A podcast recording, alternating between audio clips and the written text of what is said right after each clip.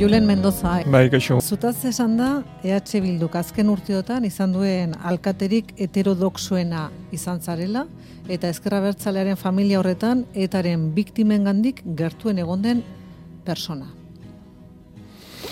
Bueno, ez dakit... Eh... Laudorio bezala jasotzen duzu? Hombre, heterodoxoena hori ez dut laudorio bezala jasotzen, e, bestea e, gertu egon izana, gertuen ez da ez dakit den gertuen ez gertuen, e, gertu egon izana, ba ustet importantea dela, ez ere e, behar ditu horrelako aurrerapenak eta eta zentzorretan hori begionez ikusten dut. Errenteriako alkate karguan edo aginte makilarekin izan zinen urteetan, elkarbizitzaren izenean egintzen dituen urratsek, ba, aurreneko zetaren biktimako menduz adibidez, hor mugarri bat jarri zuten herrian, herriko kolore guztietako alderdiek txalotu zutena. Ekitaldi horietako bakoitzaren atzean badakigu sukaldeko lan handia zegoela, baina gero ondoren, ondoren zer gelditzen da? Bueno, ekitaldi horiek ez da, e, alderdi guzia txalotzen zituztela, bueno, gutxinet maila lokalean, baizik eta alderdi guzia bultzatzen zituztela, ez? Eta nik uste horrek bazakala importantzi bat, e, gu beti bagenuen horrelako mai bat, elkar bizitzarako mai bat, eta mai horri, e, mai horrek eukizitun bere gora berak, eta bere krisiak ere, baina mai horrek bazuzkan kode, kode batzuk, eta kode horiek ziren, e, konfiantzan oinarritutako lan bat egin barzela, diskretoa zena, mai horretan ere hitz egiten zena mai horretan geratzen zela, horretarako zen maia gerturatze espazio bat. Beraz ezin zela mai horretako ezer e, kanporatera eta horrek asko lagundu zuen. Nik uste eta asko lagundu zuela. Eta horregatik e, egin ziren ekitaldi horiek, mai ekitaldi horiek sartzen dira logika baten baita, lehenago txosten bat ateratzen, gure herrian gertatutako gizeskuben urraketak eta bestelako gertaera jasotzen zituena.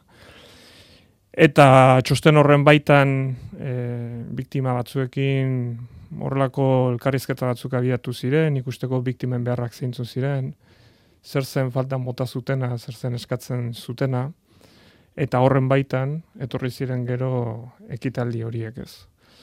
Eta ekitaldi nik beti esaten dut, e, gerta erabakoitzak egoera berriak sortzen dituela, imaginatu ezin direnak, edo aurretik aurrikusi ezin direnak. Orduan ekitaldi bakoitza sortu du estenatoki berri bat.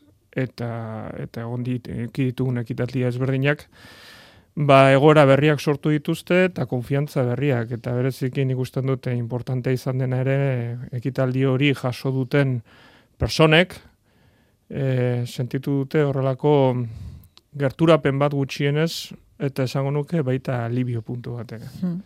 Inoiz sentitu zara kuartada bat? Kuartada hon bat zinela autokritikaren edota empatiaren esparruan adibidez zure alderdiari ematea kostatzen zitzaizkion mugimenduentzat? Ez, nik ez dut hori, hori sentitu guk eh, erritikan egiten genuen eta herriaren egiten genuen. Ez genukan eh, burua beste, beste inun. Ekimen guziak erritikan ateratzen ziren. E, eta ez dut inoiz horrelako eser sentitu, ez da gutxi gore. Hmm, ez zara, esango nuke, alderdiak berak erabili zaituen persona bat bezala sentitu, alderdiak berak eman ez dituen beste urrats batzuentzat. Ez, ez, ez, ez da gutxiago eta berriro diot, eh, erritik sortu bazirenare eh, ekimen horiek, salantzari gabe horrelako ekimen bat egiterako bakoitzean, ba, guk geuk ere eh, egiturarekin, alderdiain egitura berarekin ere, ba, kontrastak egiten genituen, eta betei jaso izan dugu bueno, ba, nola baiteko ez oniritzi, oniritzi egian ez da hitza, baina ongi ikusten zenaren e, bueno, e, iritzia. Hmm. Patxi Ruize presoaren egoera salatuz bereziki aiotaren eta pesen egoitzen aurka izandako erasoiek eta idoia mendiren etxeatarian egindako erasoien aritik, ez da politikoa lehen esateren duen etxea EH Bilduk emandako erantzun politiko horren inguruan kokatu da, ea erantzun horren irmotasun maila nahikoa den ala ez. Zuk arazorik badaukazu erasoiek gaitzesteko? Nik usten dut, segurazki, oza, e, arazo bat ukiko genuke, e, izkuntza desberdinean hitz egiten dugunean, arazo ez da existitzen. Euskera zego gazteleraz egiten dugunean. Eta nik usten dut momentu honetan debatean nere iritziz ez dela hori naiz eta hor kokatzen ari den. Debatea da, ea, nahikoa irmotasunez, e, bueno, e, ematen zaion erantzuna horrelako gerta ere, ez? Hor, badirudi horrelako debate bat e, sortzen dela, eta debate horrek badaka iraganarekiko horrelako lotura, lotura handi bat, ez? Hmm. Ez, da, ez da orain aldiko debate bat. Nik usten dut, orain aldiko debatea dela irmotasunarena. E, irmotasun erakusteko modu desberdinak e, daude. E, kondena hitzarena eta gaztelera zorrela jartzen dena eta badirudi hori bihurtzen ari dela azken e, egunetan e, arazo. Bo, nik usten dute bere garaian kondena hitza bera mm, gainditutako gauza bat izan zela, gainditu esan nahi dut, etzela beharrezkotzat jotzen mm, posizio irmo bat erakusterako orduan eta hori horrela izan zen, eta dirazpen desberdinak egon ziren, beste alderdi batzuetatik horrela kontxiratzen zutena, baina gainera nahi iruztu zait, nolabai zaiatu barko ginekela izkera, momentu berrietako izkera bat sortzen. Horrek ez du esan nahi norberak erabili ezakela beste izkera bat udenelako. Ez? Mm. Baina, usten dute lenguaia desarmatu egin behar dela zentzu batean, eta izkera konpartituak sortu behar direla. Eta ez dut uste hitz baten baitan arazoak e, sortzea egokia denik, beti ere, posizionamenduak eh, hmm. argia badira. Ez? Eta ni berriro diot, eta guztan dut, eta esan dut artikulu horretan, nahi bai iritza zait, idoia mendiarekiko gertatutakoa ez direla pintak eta soiak, uste berekiko eta bere etxe bizitzarekiko, bere espazio, segurtasun espazio horrekiko, ba, gertaera gogorrak izan daitezkela beretzako eta horrela konsideratuak izan bar direla. Eta uste horretan, segurazki arko politiko guzia ados egongo dela. Esan zuen Maialen Iriartek hemen etxe honetan marra bat gainditu zela. Erasorretan EH Bildu tinko dagoela horren aurka, baina tinko aurka egon eta gaitzetxiren artean badirudi horre koska bat dagoela. Zertan datza koskak? Ba, nik ustean du gaudela egoera preelektoral batean eta horrek asko markatzen ari dela debate hau. Eta, eta hori zoritxarrez e, nire iritziz. Uste dut ere e, herri honetan ez dagoela, eta hori askotan esan izan du gauza bat, da nik oso konbentzituta nago eta oso defendatzailea naiz prozesuen defendatzaile. Eta ez nago hitz egiten prozesu e, letra handiz, jarri beharreko prozesu bat, marko izugarri batekin eta bar, ez? Baina negia dena da, garai berri hau irekitzen dela etaren bukaerarekin, eta zentzu batean ez dela hortikan aurrera, nire iritziz, adostasun handiegirik egon. Eta usten dut hemen adostasunak behar direla. Eta elkarbizitzaren inguruan. Elkarbizitzaren inguruan. Eta usten dut gertarak eman direla, egitate batzuk egon direla, positiboak izan direla, mehan termino generaletan eta modu global eta osotasun batean ikusita, nik ez dut ikusi, gure iraganak utzitako min eta ondorioen lanketa sakon bat ikusi dudana da, ba askotan publikoki ematen ziren debate etengabekoak. Eta nik berriro diot usten dut gauza hauetan klabea dela espazio, empati espazioak eta eta konfiantzako espazioak eh, sortzea. Seguro badaudela alderdien artean ere horrelako elkarrizketak, ez? Baina hmm. niretzako hori hori da importantea. Eta horrek, emango du baitere iraganarekiko, gure iraganarekiko eman beharko luke nola baiteko adostasun minimo bat. Uste baitu dalako adostasun minimorik ez badago gure iraganarekiko, arriskoa handia dagoela etorkizunean ere, nola baiteko espresio desberdinak ere agertzea nago ez zeten indarkeri espresioa, ma izan bestelako espresioak ez. Ta nik aipatzen du, niretzako oso adierazgarri da momentu honetan gertatzen ari dena Espainian eta e, Espainiar gizartearen zatik eta parte batean. Eta usten da trantsizio ondo ez itxi baten ondoria dela. Hmm. Eta guk trantsizio bat pasatzen ari gera eta trantsizio hori ez da bukatzen. Hmm. Etaren amaierarekin. Uste tor ondori asko daudela landu beharrekoak. Izkera komun bat aldarrekatzen duzu, garai berri batek eskatuko lukeena eta beraz iraganeko beste kontzeptu horiek jo dezagun gaitzespena alde batera utzita, baina ia arku parlamentario guztiak e, arazorik ez duenean, ez da? Kontzeptu horren inguruan eta soilik EH Bilduk itxuraz e, erresistentzia bat jartzen duenean, Horregatik aldetzen dizun, zertan datzan koska horrek, zer da ezkerra bertzaleak asumitu ezin duena, galdu egin duela, zan dut, gaitzespenaren onarketak ekarriko luke, nahi bali da gerra paradigma batetik galtzailean paperan jartzea? Ni gustan dut eh, e, ezkera bartzaleak kaso honetan, ziti H bildu alderdi ezberdinen artean e, eratutako koalizioa da, ez? Eta badira alderdi batzuk, bertan, e, gaitzetsi dutenak, orduan e, hori ere desberdindu behar da, ez? Baina zentzu batean, iruditzen zait, e, iraganeko terminologietara jotzen dugunean, badakala arrisku bat iraganarekin lotzeko berriro diot, izkera berriak behar ditugu, bestela iraganera jotzen dugu, eta norberak ere iraganarekiko, eta bere e, bere posizioarekiko behar du e, estenatoki berri bat e, eraiki ez. Nik ez diote, berriro diot, usten dute gaitzespenaren hitz hori ez dela e, ez leno arazo bat e, eta ez dut uste orai arazoa denik. Nik uste du gehiago fondosko kontua dagoela hemen. Oso naztuta garai preelektoral batekin, eta uste garai preelektoral horrek eragiten ari dela guztien, Baina usten da fondosko kontua dagoela eta nik e, zuk aipatu duzu e, mailan hiri arte badirudi hemen ere eta nik entzun nuen e, izandako hitzak ustet argiak izan direla horrekiko.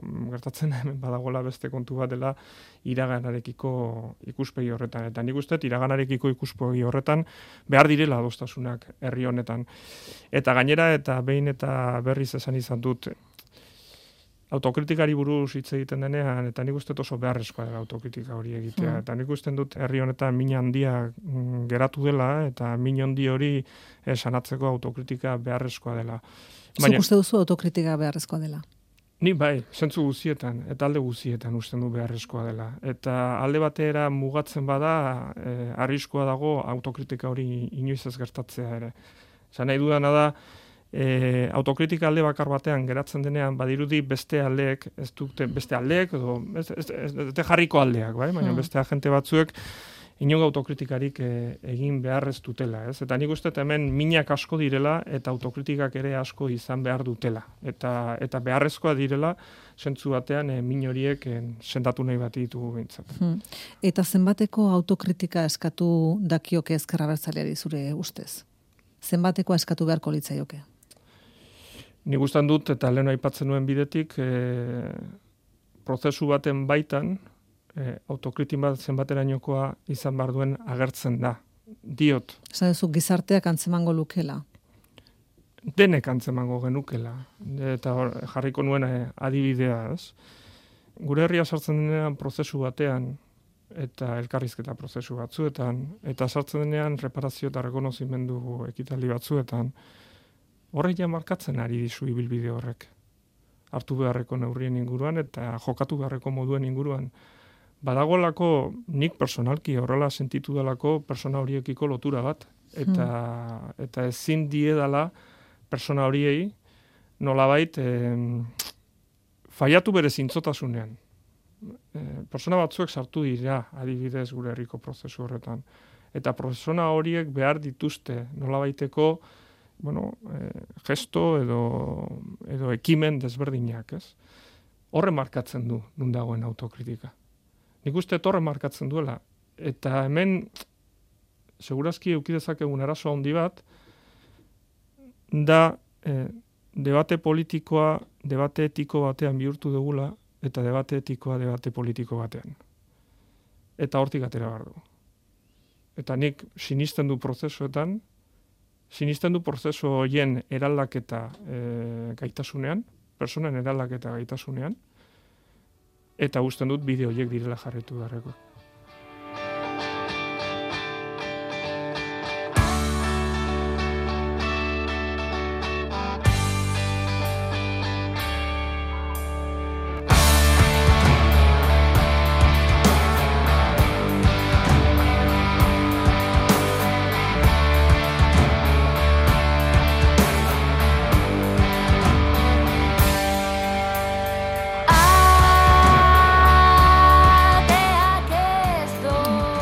Lehen aipatzen genituen modukoen erasoak salatu diozuzuk eta presuen eskubiden urraketa irmo salatzeren artera artean aukera egin ordez, za? aukera badagoela bi jarrerak espazio komun batean biltzeko. Horri zenbaitek ekidistantzia deitzen dio. Bueno, nik usten dut horrek erakusten duena jarrera irmo bat e, kasu guzietarako ez. Behin e, badago aditu bat e, gatazken ondorietan eta bar, Eta berak, e, esaldi bat bota zuen, e, ni asko gustatu zitzen, ez? E, tratu berdina giza eskubideen urraketa berdinei. Hori ez da ekidistantzia. Hori justizia da. Tratu berdina giza eskubideen urrakete berdinei. Atzoko egunean guk duela urte bat, gure herrian egin zen ekitaldi bat, Vicente Perurena galek zuen, eta bere familiari, egin genion aitortzek italdi bat izan zen, alderdi guzien e, kolaborazio kontatu zuena eta barrez. Eta inkusoetako biktima batzuk ere bertan izan ziren. Atzo etorri zen Europako erabaki bat. Eta Europako erabaki horrek ez die indemnizaziorako aukera ematen. Hmm. Europako giza eskubideen auzitegitik etorri den erabakia. Hori da. Horrek zesan nahi du. Persona hauek ez direla giza eskubide urraketa baten biktimak, Horrek ez du esan nahi ekidistantzia. Horrek esan nahi duena tratu berdin ematea bat besteari. Eta gero, e, konkretuki eta egindako artikulu horien baita, nahi iritza zaidana da, ari gerala debate batean nun, e, nol kokatzen gara, ez? Edo kokatzen gara etikaren espazio horretan, edo kokatzen gara justiziaren espazio horretan, ez? Eta badirudi ezin ditugula alde batean bi dimensioetara e, pasa, ez? Nik uste, irmoak izan bar dugula eta segurazki dakagun erronkarik handiena da, irmoak izatea bi espazioetan bai etikoan, baina baita justiziazkoan ere. Eta, eta usten dut, ez dago la justiziarik etikari gabe, baina ez dago etikari justiziari gabe. Eta bi elementoriek elkar hartuta dauden elementoa direla. EH Bilduk argi esan du, bere ez dagoela erasoien atzean, politikoki EH Bilduren estrategia politikotik eh, aldenduta dagoen jende batek sustatutako ekintzak direla, eta galdera da, EH Bilduko norabide politikoa igatu dezakete gisa honetako erasoek? Ez dakit, ba, zalantzari gabe honek egiten duena da, nola baiteko iraganerako buelta batez, eta, eta eragin dezake. EH Bilduren baitan agian eragin dezake, ez dakit eragin dezaken edo ez. ez. Baina segurazki mm, horratzean, bueno, horrelako gerta ere sortzen dute berriro debate bat e, pintaketen ingurukoa eta eta segurazki ohandikan itxi gabeko e, iragan baten ingurukoa, ez. Hmm. Eta eta bai, segurazki eragin dezaketena bai. Lehen esaten zenuenean preelektorala dela, debate hau kokatu dela oso momentu preelektoralean, gainerako alderdi politikoak EH Bildu igatzeko erabiltzen ari diren erasoak direla, esango zenuke? Nik berriro diot, ez dakit igatzeko den, ez nien nahi sartuko bestentzen, besten intentzioen horretan, ez, ez du sartu nahi intentzioen horretan. Nik esaten duena da, kaldera bat egiten duena da.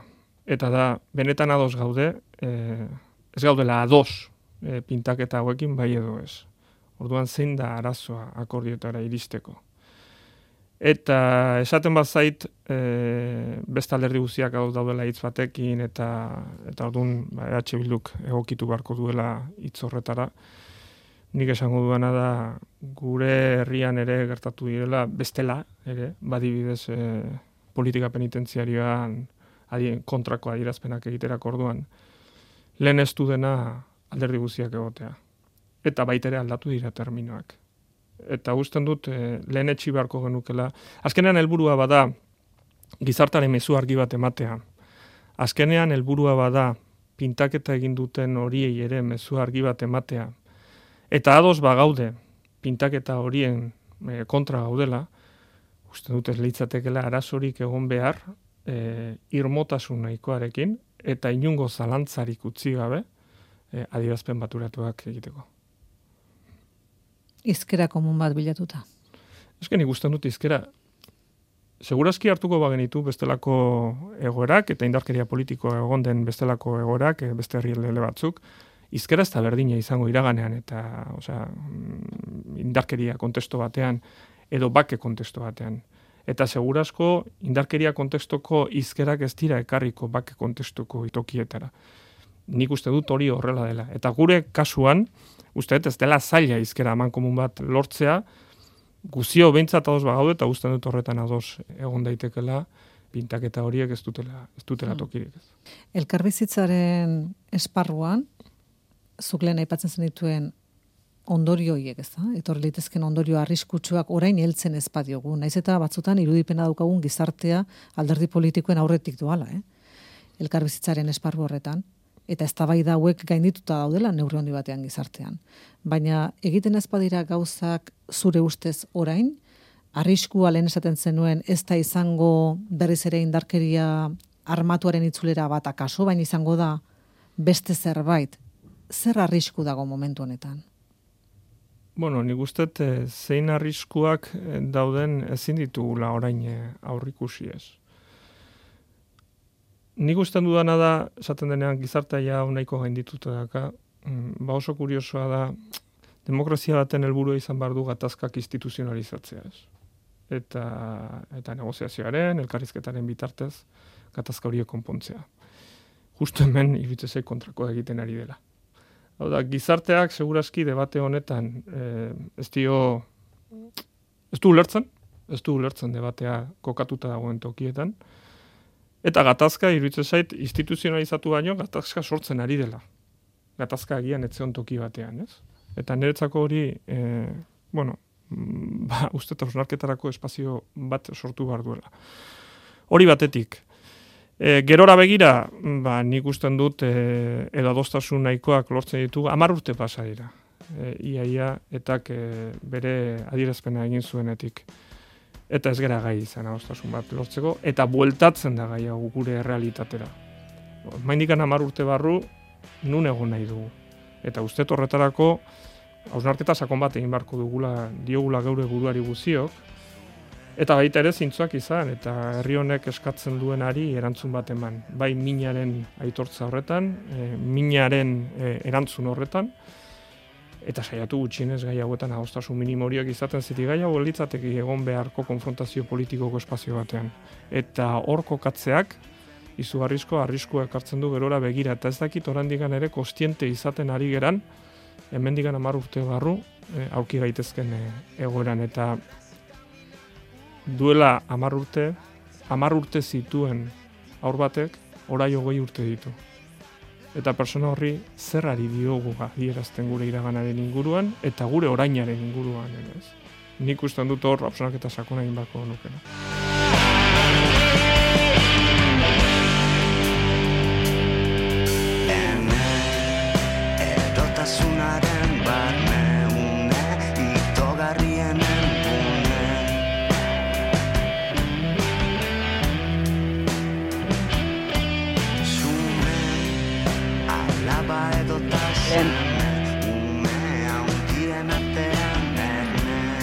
Ze eragin duten hitzek gure kaskezurrean, ze oihartzun traidore. Asteak eta asteak pasatu ditugu iztegi berria osatzen, gure eguneroko kontualdiak hitz berriz zipristintzen, beldurretik, errespetotik, ez ezagutzatik, eta di da agertu da Julen Mendoza, eta derrepente akordatu gara, iztegi zaharra ezin dugula apaletegian abandonatu hautsar jandezan. Iztegi berria estrenatzea baino, iztegia osatzen, handitzen, aberasten joate dela sekretua. Iztegi zarra alboan behar dugula, hitz berriz jazteko. Ez dela bat itxi eta utzi eta berri estrenatu eta zerotik hasi, ez hitza hitzaren gainean pilatu, bakarren bat trabatuta geratu ezkero, edo kontrako joan ezkero, ura baztertu, baina aztu ez. Mendoza oso argia da, kondena hitzak ematen ditu arazoak, gainditutako hitza, ez da beharrezko jotzen jarrera irmoa azaltzeko, saiatu beharko ginateke momentu berrietarako izkera berri bat sortzen. Julenek hitz zehatzak eransten ditu bere kontualdian, alderdi guztiek txalotu ez, bultzatu egin zuten gure kasuan. Etika eta justizia bakoitzak du bere tokia. Ez dut ikusi gure iraganak egindako min eta ondorioen lanketa sakon bat empatia espazioak sortzea da klabea. Hori da importantea eta horrek eramango du iraganerekiko nolabaiteko adostasun minimo bat lortzeko bidea. Adierazgarria da Espainian gertatzen ari dena, orain aldian transizio ondo ez itxi baten ondorioa da. Gu transizio bat pasatzen ari gara, etzen bukatu etaren amaierarekin. Zehatz, Mendoza, hitz bakoitza bere tokian, bere espazioan, eta bere kontestuan eta kondena hitzean trabatu gabe irmo agertu beharra salatu behar balin bada ere eta dena kontestualizatuz egoera preelektoral batean gaude. Horrek asko markatzen du debatea. Guri kaskezurrean esaldi bakarra, ura ateioka. Lenguaia desarmatu egin behar da.